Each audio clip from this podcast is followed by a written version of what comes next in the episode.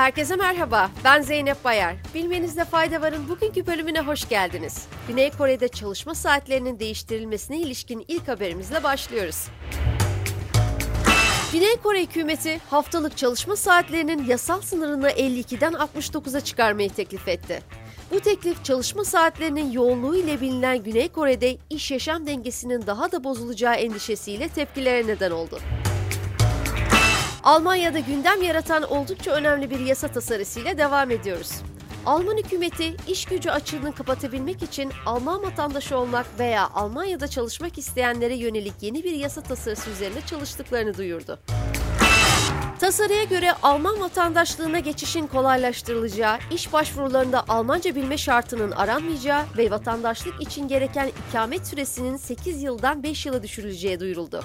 Yasanın 1 veya 2 ay içerisinde onaylanıp yürürlüğe girmesi bekleniyor. Hatırlanacağı üzere Alman hükümeti yaz aylarında özellikle havalimanlarında yaşanan sıkıntının ardından Türkiye ve Balkan ülkelerinden işçi alımına onay vermişti. Avrupa Birliği Rusya'ya karşı uyguladığı yaptırımlarda düzenlemeye gitti.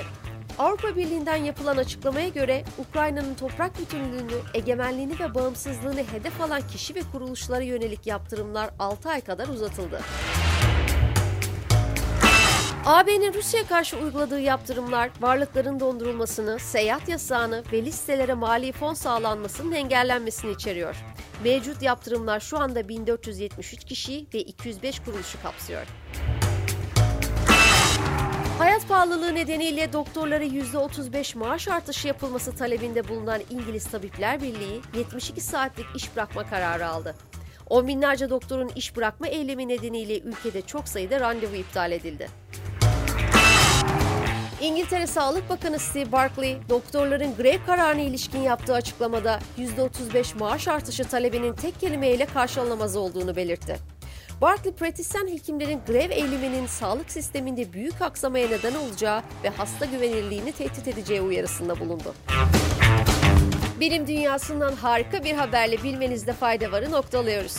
Bilim adamları havayı elektriğe dönüştüren ve potansiyel olarak neredeyse sınırsız bir temiz enerji kaynağının kilidini açan bir enzim keşfetti.